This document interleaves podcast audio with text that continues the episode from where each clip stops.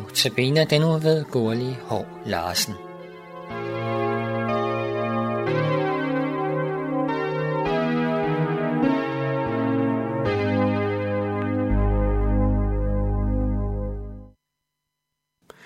I denne andagt vil jeg tale om den svenske sangforfatter Lina Sandell og trække nogle punkter frem fra hendes liv og sangforfatterskab. Det vil jeg gøre, fordi hendes sange fortsat betyder meget for den kristne menighed i Norden. Personligt er jeg meget glad for mange af hendes sange, som jeg vender tilbage til jævnligt, og også er med til at synge i de kristne forsamlinger, jeg kommer i. Lina Sandel blev født i en smålandsk præstegård den 3. oktober 1832 og døde den 27. juli 1903. Lina var meget knyttet til sin far, som var provst og en meget velbegavet mand, der interesserede sig for og havde mange kundskaber inden for sprog, historie og litteratur.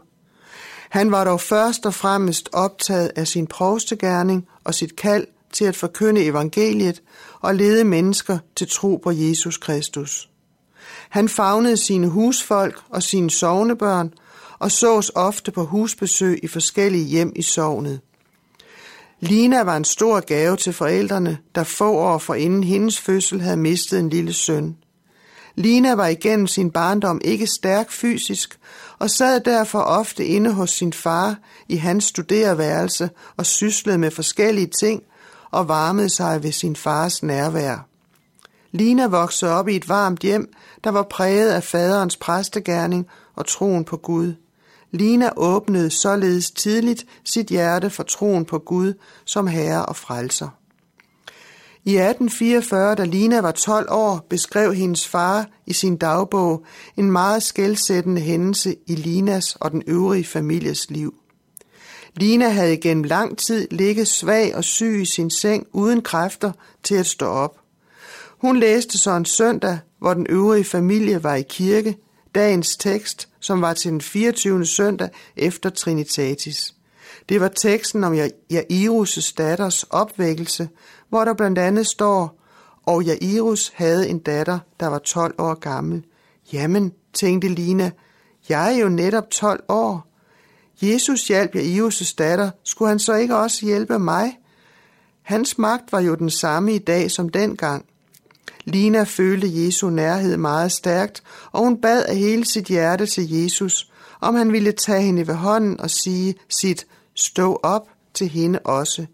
I barnlig tillid og forventning kaldte Lina på husets unge pige og bad hende om at hente sit tøj. Den unge pige var meget skeptisk og forbavset, men gjorde, hvad Lina bad hende om. Da forældrene kom hjem fra kirke, kom Lina gående dem i møde. Der var sket et under. Mens hendes far havde prædiket om, hvordan Jesus havde hjulpet en 12-årig pige, var der sket et under i deres eget hjem. Lina fortalte mange gange senere i sit liv om denne personlige oplevelse og erfaring af, at Gud helbredte hende ved bøn og tro. Linas poetiske evner begyndte for alvor at slå igennem fra 13-årsalderen, hvor hun i notesbøger nedskrev små sange og poetiske betragtninger om skoven, blomster, fugle, årstider med mere, med Gud som skaberen og omsorgsfuld fader som omdrejningspunkt. Løbende måtte hun døje med en fortsat svækket fysik, der isolerede hende fra andre børn og unge og gjorde hende til en læsehest og holdt digtningen i live. Lina spillede på mange strenge, men disse måtte stemmes med henblik på hendes udvikling som sangforfatter. Vores livsdrenge stemmes ofte gennem lidelse, således også for Lina Sandel. En begivenhed i 1859 satte dybe spor i hendes liv. Hun var da 26 år gammel. Lina fuldtes med sin far på en rejse til Jøteborg.